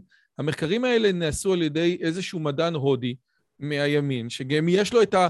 היה לו את הרעיון הזה, היה לו תפיסה דתית מאוד, כן? להראות שהדברים האלה נכונים. כנגד זה ספציפית, הנה, בדיוק יש לי פה את הספר הזה, באמת במקרה, ספירטואליזם ויהדות של אה, אבי ויינרוט. איפה זה? או, ושם הוא אומר, למה, למה אמונה תפלה נקראת אמונה תפלה? הרי זה תפל בתף, לא תפל בטית. כי בסופו של דבר אמונה תפלה לא קונסטרוקטיבית לבן אדם. אם אתה מאמין שאתה ראית חתול שחור, התחרבן לך היום, בן אדם לא יח... אי אפשר, חברה נבנית מתוך ההיגיון, והדבר הזה הוא נגד ההיגיון. כאשר בונים ארמון במאות של מיליונים, ואז בגלל אה, אסטרולוג לא נכנסים אליו, זה לא רק כי אני הולך גם לאסטרולוג כחלק מתוך המיסה הכללית, אבל אני לא מתייחס אליו. אם אתה לא... אה, אה, אם אתה לא מנהל את החיים שלך לפי ההיגיון והרציונל, אז הם ילכו למקום פחות אופטימלי. זה אומר איש מערב. ואתה אומר לי, עזוב, אתה, אתה תקוע בתל אביב. זה לא עובד. לא, זה לא, זה לא שאתה תקוע, פשוט אתה הרבה כאילו, פעמים... אתה, אתה מבין מה אני אומר? אני, אני מצליח... אני, אני, מבין, אני, אני מבין מה אתה אומר, ואני חושב שאם היו אלף ארמונות הודיים שהיו נוטשים אותם בעקבות זה שהאסטרולוג אמר, אז uh, הייתי זורם איתך לגמרי, אבל, אבל זאת בכל זאת אנקדוטה, כן? אז ברוב הפעמים האסטרולוג יגיד יום שני לא טוב להתחתן. תתחתנו ביום ראשון הבא, אז מתחתנים ביום ראשון הבא, כן? אומרים את החנוכת בית של המערכת השקיה שקניתם אה, מחברה ישראלית, מנטפים, לא טוב לעשות לה חנוכת בית בתאריך הזה, אז מחכים עוד, ש... עוד שבוע וחצי שהכוכבים יסתדרו. זאת אומרת, המערכת האמונית, נגיד באסטרולוגיה ההודית, היא לא באמת משבשת את, אה, היא לא משבשת את, ה... את, ה... את, את הפרהסיה הציבורית, היא כן לפעמים מונעת מזוגות אוהבים להתחתן, כן? זה, זה כן קורה, כן? שאומרים אולי, אולי ההורוסקופ שלהם לא מתאים, כן? זה, זה יש לי כמה דוגמאות אה, טרגיות בעניין הזה, אבל לא ניכנס להן. אבל בפרסיה הציבורית הכללית, אותם אנשים שבסך הכל למדו באוניברסיטאות אה, מערביות, גם בהודו מערביות, לצד זה הם משמרים אה, מסורות הודיות והם לא מרגישים את הסתירה. אוקיי, לא בסדר, עכשיו הסברת לי יפה, וגם אם, עוד פעם, אם אתה אומר שאם היינו, כאילו, אם היית זורם איתי על אלף מקדשים שזרקו לפח, אז אנחנו בסדר. Uh, עכשיו, מפה אנחנו עוברים למהפך, 77. למעשה, מי שרצח את גנדי הוא ימני, ובשונה, ומי שרצח את רבין הוא ימני, ברשותך אני אעשה את ההקבלה הזאת, וכמו שהימין, עכשיו, אבל יש הבדל, כי אחרי שרצחו את רבין, כמה חודשים אחרי זה, הימין עלה לשלטון, ואחרי שרצחו את אה, גנדי, במשך שלושה עשורים הימין לא היה בכלל במפלגת השלטון, לא היה בכלל, לא היה דבר כזה, כן? זאת אומרת, לקח שלושה עשורים, שלושים שנה, עד שמפלגת הימין הצליחה לחזור לשלטון, ואת זה היא החזירה רק בגלל שראש הממשלה אינדירה גנדי, הבת של נרו, הייתה פשוט, נר, נרו, הייתה פשוט איומה ונוראה, אז הגיעו הימין מצד אחד, הלומנים מהצד אחד, הס, הס, הקומוניסטים ובעלי הקסטות מהצד השני, ואמרו, רק לא היא. מה שאני אומר עכשיו זה נכון? נכון, באמת ב-77, אחרי שבעצם אינדירה גנדי לשנתיים מבטלת את הדמוקרטיה בהודו, המפלגות האזוריות, יחד עם, יחד עם מפלגות שמאל, נכון, ויחד עם מפלגות ימין, בעצם אה, מצליחים להגיח ברק לא אינדירה, ממש ככה, ו, ואז בפעם הראשונה הימין, עוד קשה להגיד שהוא ממש עלה לשלטון, אבל כבר שר החוץ של הודו וג'פאי הוא הוא כבר איש ימין, זאת אומרת הם מחזירים לעצמם את, ה, את הלגיטימציה הציבורית 29 אה, אה, שנה אחרי, אחרי, הרצח, אה, אחרי הרצח של גנדי ויעברו עוד 20 שנה עד 96 ואחר כך 98 שהם כבר ממש יעלו לשלטון. אבל, אבל נכון, תתארת את זה נכון. ו- ו- ואז אני, אנחנו לא עושים את כל הסיפור, אני עובר כאילו מנרו למודי או מנרו לאינדירה למודי ובסופו של דבר הציבור ההודי נהיה יותר ויותר לאומני יותר ויותר, אה, אה, אה, יותר ויותר רואה את עצמו כהודי, ומודי לוקח את זה למקומות, לצורך העניין, הוא מתעלם לגמרי מהמיעוט המוסלמי, הוא לא מברך אותם ברמדאן, הוא לא... אה, כלום, שום דבר. והוא גם בן אדם דתי, בשונה מנרו, שהוא אתאיסט, עכשיו, לפני כמה זמן היה בבית הלבן, ככה שהיה אמר לי, היה שם איזה צום אינדי, שלושה ימים הוא שתה רק מיצים. זאת אומרת, אה, אה, זה מה שקורה, והוא למעשה מתעלם לחלוטין, לחלוטין, לחלוטין, לחלוטין מהמיעוט המוסלמי, כאשר יש לו אנשים בממשלה שלא מתעלמים אלא ממש נותנים הערות אה, אנטישמיות, או, או, או ממש אה, אה, אה, אה, לוקחים חלק. יותר מזה, יש כאלה שיגידו שהאנשים של מודי בעצם דחפו לשריפה של המסגד ב-92. אז אתה חושב שנכון להתחיל מהשריפה של המסגד ב-92, או שזה ממש להתחיל באמצע הסיפור? אה, בוא, בוא, בוא נלך כמו קורות חיים, נלך מה, מעכשיו אחורה. יאללה. יאללה. מודי אה, מתעלם מהמוסלמים בעיקר במובן אחד, הם לא בחישובים האלקטורליים שלו, וכל פעם גם לפני מערכת בחירות, הימין ההודי אה, דואג גם במידה מסוימת להתסיס את היחסים בין הינדואים למוסלמים, דווקא במובן של מחוות וכאלה, יש לו לפעמים מחוות כלפי המוסלמים, זה לא שהוא לחלוטין נמנע ממחוות כלפי המוסלמים ו, וגם השרה שלו לענייני מיעוטים הייתה מוסלמית, היא גם זאת שנתנה ליהודים באזור של בומביי מעמד של סוג של מיעוט מיוחס ואני עוצר פה, בסדר? Okay. אוקיי. אז מודי בעצם לא מחשיב את ה... מודי בעצם בא ואומר אני לא צריך את המוסלם, אני לא צריך את ה-15% מוסלמים כדי לנצח את הבחירות. למרות שיש ברוב... מוסלמים שמצביעים לו. יש מוסלמים שמצביעים לו, שאומרים, עזוב אותך, לא אינדי, לא אינדי, הבן אדם נותן לי השכלה טובה, נותן לי אה, אסלה בכל בית, יאללה, סע. כן, אבל זה, זה, אני לא חושב שזה עיקר אה, המצביעים. עיקר המצביעים שלו זה שיעים שמאוד פוחדים מהדומיננטיות הסונית בתוך הסיפור ההודי, עוד פעם צריך להיכנס לשנות ה-80 ולא ניכנס לשם כדי להסביר מה קרה בין, בין אה, שיעים לסונים גם בפקיסטן וגם בהודו ויש אה, קבוצות שיעיות שבעצם מעדיפות את הימין ההודי מאשר השמאל ההודי שבעצם אה, כל הזמן מנסה לפייס את, ה, את הרוב הסוני בתוך, בתוך המוסלמים, היה מספיק מסובך, נכון? לדלג. אה, אז, אז מודי לא בונה על המוסלמים במקום האלקטורלי וגם הוא מציע, הוא או שליחה וגם מתסיסים את היחסים גם, ב, גם בצמתים אלקטורליים חשובים והוא גם מנצח, לרוב הוא גם מנצח את הבחירות, גם הבחירות האזוריות וגם באופן מובהק את הבחירות הכלליות של מיליארד ההודים ש, שככה נוהרים לקלפיות. מה זה באופן אז מובהק? אז זה, זה מודי, כן, אז זה, זה מודי, זה מה שהוא שנייה, עושה. מה זה באופן מובהק? תחזור על השאלה. מה זה באופן מובהק? כשאומרים אופן מובהק, למה מתכוונים?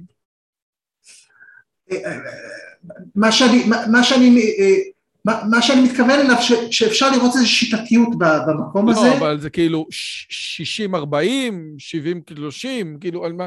כמה אחוז המפלגה לוקחת? אני חושב שיש ימין ושמאל. אצלנו... זה, זו, זאת, לא, זאת לא שאלה טובה בהודו.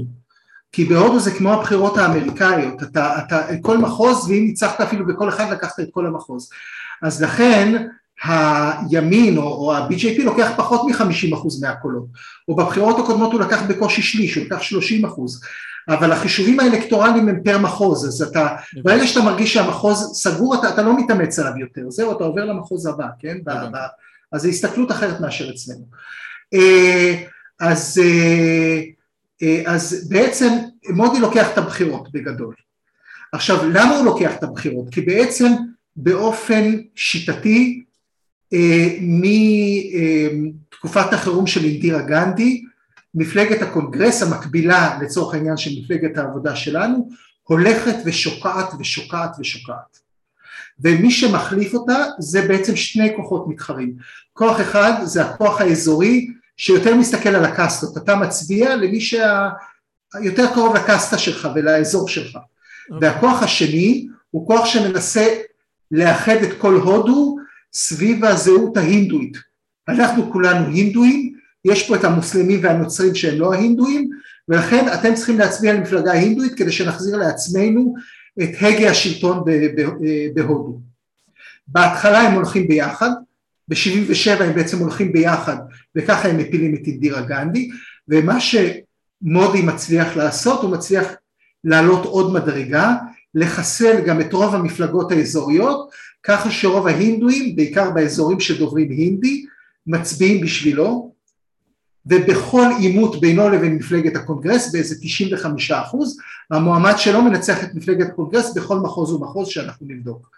אז בעצם אלה, אלה, אלה השלבים ש, שהודו עוברת, שבעיקר מי שהצביעו לימין באופן מסורתי זה בעיקר הקסטות הגבוהות, הניידים, היותר משכילים, היותר פריבילגיים, ולאט לאט מודי, בגלל שהוא בעצמו מגיע ממשפחה ענייה ומקסטה נמוכה, הוא מצליח לגייס אליו את מה שנקרא OBC, שלוש האותיות האנגליות האלה, שאומרות קסטות נמוכות שהן לא קסטות מנודות, הן לא הדליטים, הן לא המנודים, הן לא הטמאים, כן?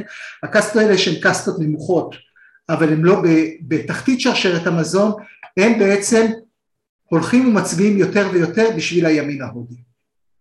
בעצם הימין ההודי היום מתרחק מהעולם של הקסטות, כי ראש, כי זה לא היה הגיוני, כן? אם גנדי היה מקסטה גבוהה, ונרו היה מהברמינים, ואינדירה, הבת שלו, היא גם כן, פתאום יש לנו משהו אחר, שאיך אומרים, איזה כוכב עולה, כמו ברק אובמה מצד אחד, אבל מאוד דתי, מאוד הינדי.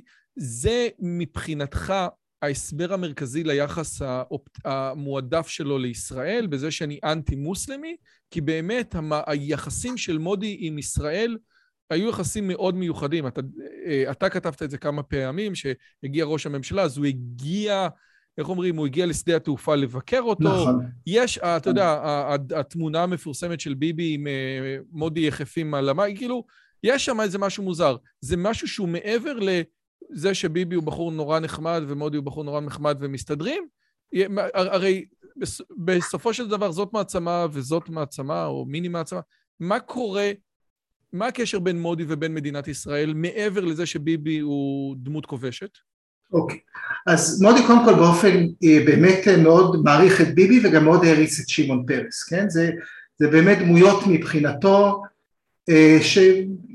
כל אחת מהן הוא מעריך מסיבות אחרות, אבל הוא לא הסתיר את זה גם בנאום שלו בבנייני האומה, זה שתי הדמויות שהוא התייחס אליהן. דבר שני, החשיבות של ישראל לימין ההודי היא קריטית, כי בעצם מה אומר השמאל, מה אומר השמאל ההודי לימין ההודי? הוא אומר אתם רוצים להפוך את הודו לפקיסטן הינדואית, פקיסטן היא מדינה מפגרת כי היא בחרה בדרך של מדינה שמגדירה את עצמה כמדינה מוסלמית ולכן הדמוקרטיה שם התחרבשה והצבא שולט בשלטון אה, ו- ו- ויש שם אסלאם קיצוני והכל. אם אתם תהפכו אותנו למדינה הינדואית אנחנו נהיה תמונת ראי של פקיסטן רק במקום שיהיו אצלנו קיצונים מוסלמים, יהיו אצלנו קיצונים הינדואים, כן? אה, מה ההבדל? ישראל היא ההוכחה של הימין ההודי שאומר הנה זה אפשרי, כאילו שהם קראו את כתבי הרב קוק. אתה יכול להמשיך מפה לבד, זהו, זה בדיוק העניין. נכון, נכון, זה העניין, זאת אומרת, נכון. ישראל היא בעצם ההוכחה של הימין ההודי לזה שבסופו של דבר ניתן להקים עם שהוא הבעל הבית בארץ שלו, שיש לו זיקה עמוקה לדת, אה, אה, שהוא רואה את, שהוא לא מתבייש במסורת העבר שלו, ירחם השם, יש לנו ראש ממשלה עם כיפה, כן? עד כדי כך, כן? זאת אומרת, זה, זה, זה, זה משהו שהוא לא היה, ו, והנה, והמדינה הזאת עושה הייטק, ועושה מדע, ועושה פה, והנה, הכל בסדר. זה לא חייב להיות. זה לא שהבעיה היא בזה, זה הבעיה עם הדת המוסלמית, ככה יגידו הימין ההודי. עוד, עוד, עוד לפני שהם אפילו נכנסים למוסלמים, פשוט אומרים, המדינה הזאת יכולה להיות מדינה הינדואית ודמוקרטית וטכנולוגית והכל, וגם עם שוויון זכויות למוסלמים, כן? אף אחד לא רוצה, גם בימין ההודי, אף אחד לא רוצה לקחת למוסלמים את השוויון זכויות ברמה הפרטנית, כן? אבל ברמה של הפרהסיה הציבורית יהיה ברור שהודו היא הבית הלאומי של, ה...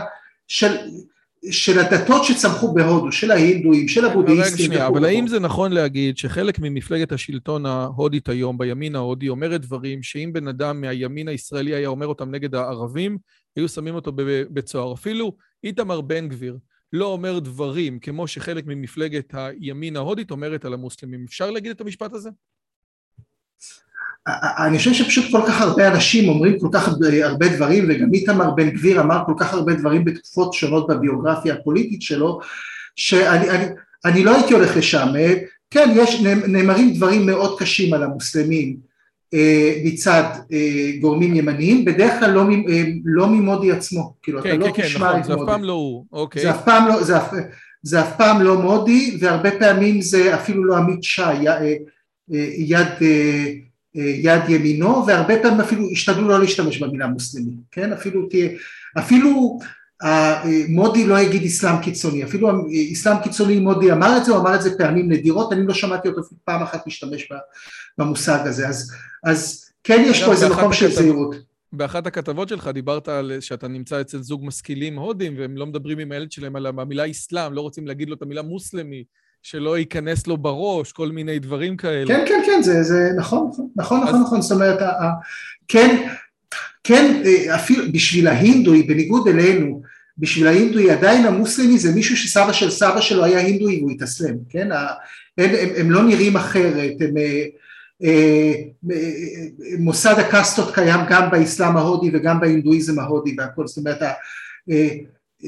בכל זאת המקרים, במובן הזה המקרים הם שונים. אז כן, אז פעם אחת הימין ההודי אוהב את ישראל אה, כי אה, ישראל היא דוגמה לזה שאפשר להשיג את הכל מכל הכיוונים. פעם שנייה אוהב את ישראל כי זאת מדינה עם פחות מ... יש מילה בהודו, קרור, אה, עשר מיליון, פחות מעשרה מיליון אנשים שמצליחים לשרוד בסביבה של מאות מיליון ערבים מוסלמים, כן? אז זה גם סיפור הגבורה של מדינת ישראל, זה פעם שנייה, כן? כשהם אומרים רגע אבל אנחנו ההינדואים אנחנו עדיין יותר מבנגלדש ופקיסטן ביחד ועדיין אנחנו מאוד נרפים מולם, כן? לפחות בהשקפה של הימין ההודי, אז זה פעם שנייה, כן? פעם שלישית אני חושב שהימין ההודי מתקרב לישראל כי הוא פשוט, אני מחפש מילה עדינה אבל אני לא יכול למצוא אותה, הוא מתעב את מדיניות החוץ של נרו. מבחינתו מדיניות החוץ של נרו הייתה סנטימנטלית, לא רציונלית, אה, מאוד מוטת אידיאולוגיה במקום מוטת אינטרסים. וכשההודים שואלים אותם מה ישראל יכולה לתת להם, ישראל וגם המדינות במזרח התיכון שקרובות אליה, כן, האמירויות, סעודיה והכל, לעומת זאת מה יכולה לתת לרשות הפלסטינית לצורך העניין הזה, אז הקשר עם הרשות הפלסטינית נשאר קשר מאוד סנטימנטלי והקשר עם ישראל הוא גם קשר של אינטרסים, ישראל יודעת למכור נשק, יודעת למכור מערכות השקיה, אה, ישראל, אה, אני יכול להגיד לך שבדוכן ספרים בבומביי, דוכנים קטנים כאלה שיש ברחוב הראשי בבומביי ליד התחנת הרכבת, הסופר היחיד שאני ראיתי שיש שני ספרים שלו זה היה נוח הררי. בעזרת השם שהספרים שלי גם יגיעו ל... אינשאללה, אינשאללה. רגע, אבל, אבל, רגע, וכל הדברים, רגע, אבל א', שני דברים אני רוצה לשאול. איך בן אדם שרוצה לעשות מודרניזציה עושה מדיניות חוץ כל כך לא הגיונית? זו שאלה אחת, אבל זאת שאלה היסטורית. והשאלה השנייה, הדברים שאתה אומר, מעבר לזה שאנחנו אומרים אותם פה, זה בא לידי ביטוי ב, בעיתונות ההודית, זאת, זאת אומרת, כאילו, אנשים שכותבים מאמרי דעה אומרים, הנה, תראו, הנה בבקשה, תראו את ישראל, הכל מסתדר שם, וזה, הנה, אתם, השמאל סתם מפחיד אתכם.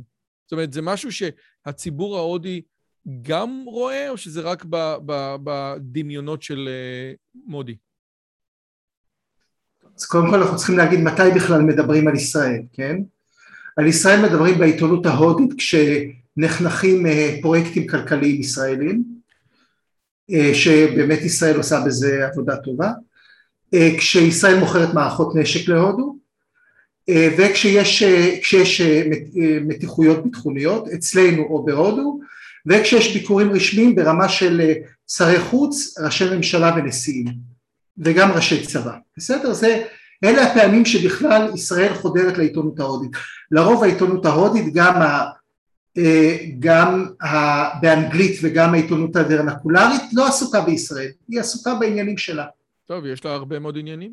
בדיוק, יש לה מספיק עניינים משלה, אוקיי. אז עכשיו ניקח את כל הדברים האלה שבהם ישראל מגיעה, כן, לתקשורת ההודית. במצבים האלה כן מתחיל איזה דיון של כן טוב לא טוב, כן, אמ, כוכבי בוליווד אה, מצטלמים אה, עם איזה דמות ישראלית, אה, מודי וביבי מצטלמים בחוף הכרמל בחיפה, כן, עוד אריאל שרון, תחשוב 2003, מגיע לביקור אצל ראש הממשלה ההודי הקודם ואג'פאי, כן? בכל צומת כזה אה, יש איזה דיון פנימי בהודו של ישראל טוב או רע, ואז הדברים שאני אומר לך הם הדברים שעולים מהנקודת מבט של הימין. אבל לא, אבל כשאתה אומר לי כשיש, אה, כשהם מוכרים טפטפות להודים, אז עולה דיון כזה, זה דיון אחד, וכשאתה רואה תמונות של אנשים מתים בעזה, עולה דיון כזה, זה דיון אחר. זה, אבל זה, הרבה פעמים זה עולה מאוד, מאוד דומה, כן? איזה עיתון יפרסם על איזה פרויקט כלכלי ותהיה תגובה בטוקבקים או בטוויטר או ב...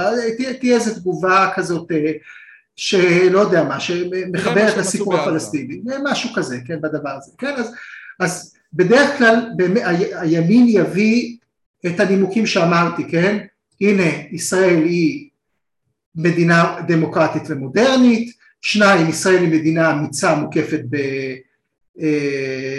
אה, מוקפת במקום המוסלמי ובכלל תסתכלו איזה מדיניות חוץ מחורבנת הבאתם לנו הבאתם אותנו לפשיטת רגל ב-91 עם המדיניות המחורבנת שלנו. ובלי כן? ישראל אין לכם תיירים, אין לכם תיירים בלי ישראל. זה הנה, זה, זה, זה, זה, זה אף אחד לא אומר, כן? זה, זה שלושת הנימוקים בגדול של הימין ההודי בעד היחסים עם ישראל, שזה לא רק הימין, יש גם קולות במפלגת הקונגרס שלפחות חלק מהקולות אה, אה, מיוצגים גם שם, בסופו של דבר לא כשהימין עלה לשלטון יחד עם עוד כוחות ב-77 חודשו היחסים עם ישראל, אלא ב-92 כש, כשהקונגרס עלה לשלטון בחזרה, אחרי שהוא הפסיד את הבחירות, אז כמובן התמונה היא יותר אפורה, לצורך הדיון אני, אני טיפה מקצין אותה.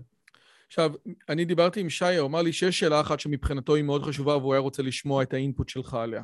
הוא אמר שיכול להיות שהפתרון, יש באמת הרבה מאוד אלימות אה, וברבריות בחברה ההודית, גם בין ההודים ובין המוסלמים. לצורך העניין, הודו זה מקום שבו דיון בפרלמנט יכול, או דיון באחד הפרלמנטים יכול להיכנס או להידרדר למכות או לדברים כאלה, קטטות המוניות ש...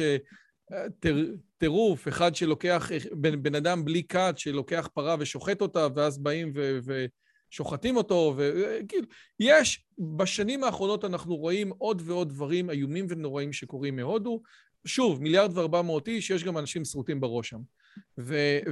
ואחד הדברים ששי רצה לשאול, והייתי שמח שנגיב עליו, זה יכול להיות שהפתרון גם לאלימות וגם לברבריות של החברה ההודית זה מודרניזציה. זאת אומרת, אנשים משכילים הם פחות אלימים.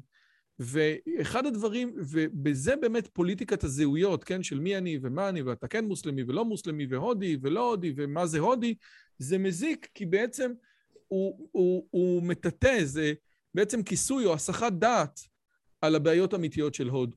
שאין מספיק, אה, שאין בארות ואין מים, ו- ו- ורוב האנשים חיים בעוני מחפיר. יש את בוליווד ויש את המיליונרים, אבל אנשים חיים בעוני מחפיר. וכל פוליטיקת הזהויות וכל העיסוק הזה במוסלמי הינדי, רק מכסה על הבעיה האמיתית. אתה, אתה, אתה מקבל את זה? אני, אני מקבל חלקית את זה שאוכלוסייה יותר משכילה אה, מעדיפה לנהל את הקונפליקטים שלה דרך אה, אה, שיח, אפילו שיח לפעמים מאוד פוגעני ופחות ב... פחות באלות וסכינים ואגרופים, כן? אני חושב שבגדול, אני חושב שבגדול אני לא חושב שיש הרבה מחלוקת על המקום הזה. לא, אבל זה אבל, לא העניין. נכון, okay, אוקיי, בדיוק, אבל אם נסתכל, אבל אם נסתכל על, ה, על ההיסטוריה ההודית, אז uh, נראה לי שהמודרניזציה של הודו הרבה פעמים החריפה את היחסים בין, uh, uh, בין uh, מוסלמים לבין הינדואים, קודם כל היא, היא יצרה ערים מאוד גדולות בהודו, אין, אין כמעט מצב של מהומות שנהרגים בהם מאות אנשים שזה קורה במרחב הכפרי בהודו.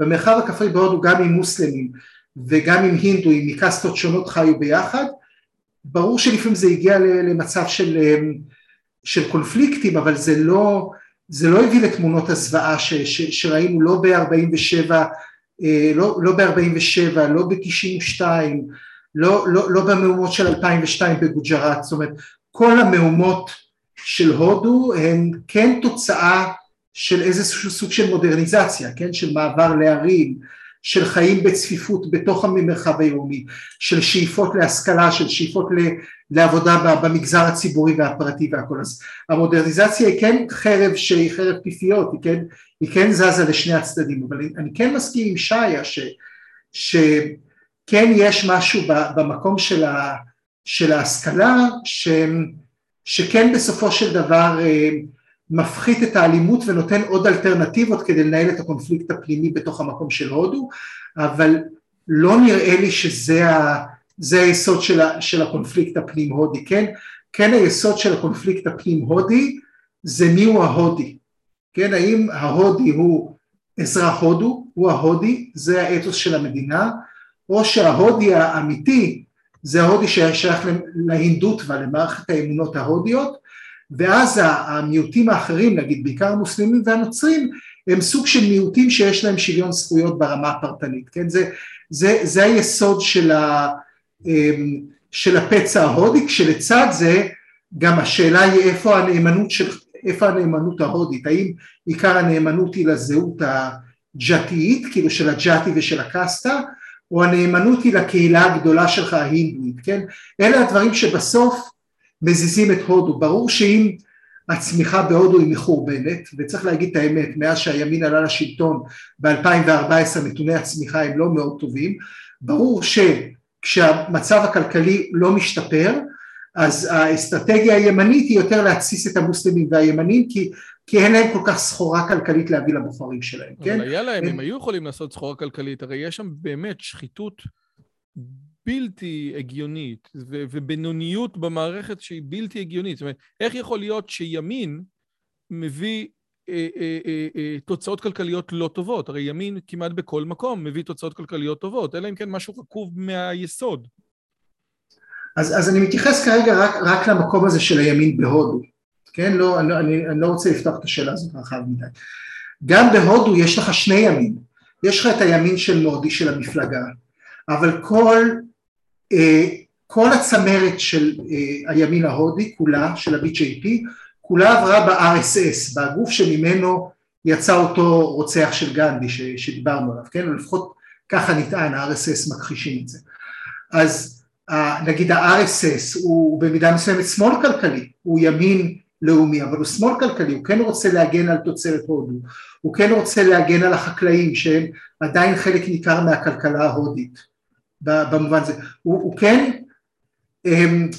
הוא, הוא מאוד פוחד מהחברות הבינלאומיות, הוא, הוא לא מחבב את הגלובליזציה, זאת אומרת גם כשאתה מדבר על, על ימין, כשהימין הזה מחובר לקהילות הספציפיות בהודו, שיש להם אינטרס מאוד מובנה בזה שלא יזיזו להם את הגבינה שלהם, כדי שהימין יצליח לנצח את הבחירות, הוא לא באמת יכול להיות, איך הוא יהיה ימין כלכלי, מי יצביע בשבילו אם הוא יהיה ימין כלכלי, כן? אתה אומר הרי, תומאס סואל מדבר ביסודות הכלכלה על זה שהודו עושה מכסות של אה, מזון ועוזרת לחקלאים, ובגלל זה היא שורפת אלפי טונות של מזון בכל שנה, וזה חלק מתוך סיפור הזה, כי בסופו של דבר הימין נכון. הוא, הוא יותר לאומני או לאומי מאשר כלכלי. אז יש... אבל הוא גם, אבל הוא גם, הוא גם, הנה, סגרו את ועדות התכנון והכל, אבל, אבל אה, נגיד אה, כשמודי עלה לשלטון, הוא הבטיח שיהיה פוקה האוס, פוקה האוס זה מין בית כזה, נקרא לזה, הוא לא בית בוץ, בית מלבנים, והוא הבטיח במרחב הכפרי שלכל הוד יהיה בית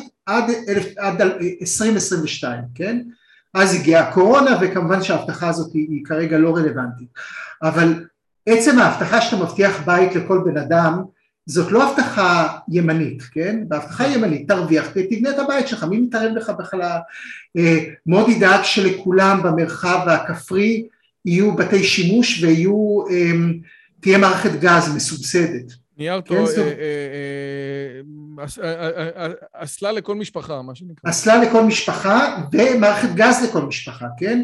זאת אומרת, כן המקום הזה של הצמצום עוני הוא, הוא לגמרי גם פרויקט ימני, הוא לא רק פרויקט שמאלי, כי, כי אחרת הימין היה כמו שהוא היה בעבר הרחוק, הוא היה אה, אה, מפלגה מאוד אליטיסטי שמצביעים לאנשים שהם ימין כלכלי אבל בדרך כלל אנשים מאוד משכילים. וההמון של הודו שכן צריך את האורז המוזל והחיטה המוזלת והמכסות הגנה של, של החקלאות והתעשייה הם, הם, הם לא היו בכלל מתקרבים למפלגות של הימין.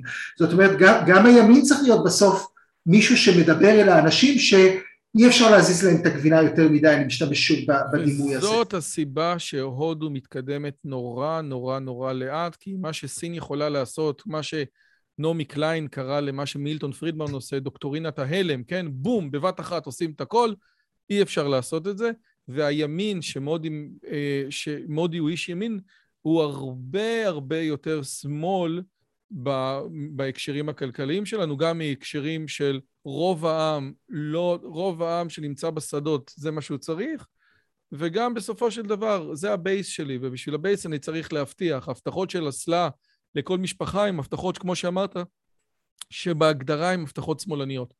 את מה אתה רואה בעתיד, כאילו, כי אתה אמרת שהמפלגה הימנית מתחזקת מפעם לפעם, חמש שנים מהיום, כן, כאילו, אתה רואה שהמפלגה, שהמפלגה השמאלית חוזרת לשלטון, או שאתה רואה שלאט לאט המפלגה הימנית תוכל לתת יותר ויותר רפורמות כלכליות סגנון מילטון פרידמן כאלה?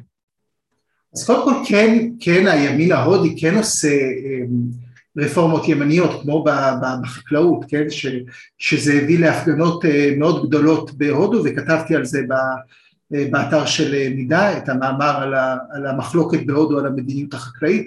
אז כן קודם כל כן הימין עושה גם, גם רפורמות ימניות כן אבל, אבל אה, סין היא מבחינת הרבה הודים היא, היא במידה מסוימת דווקא הוכחה לשמאל כלכלי לא לימין כלכלי.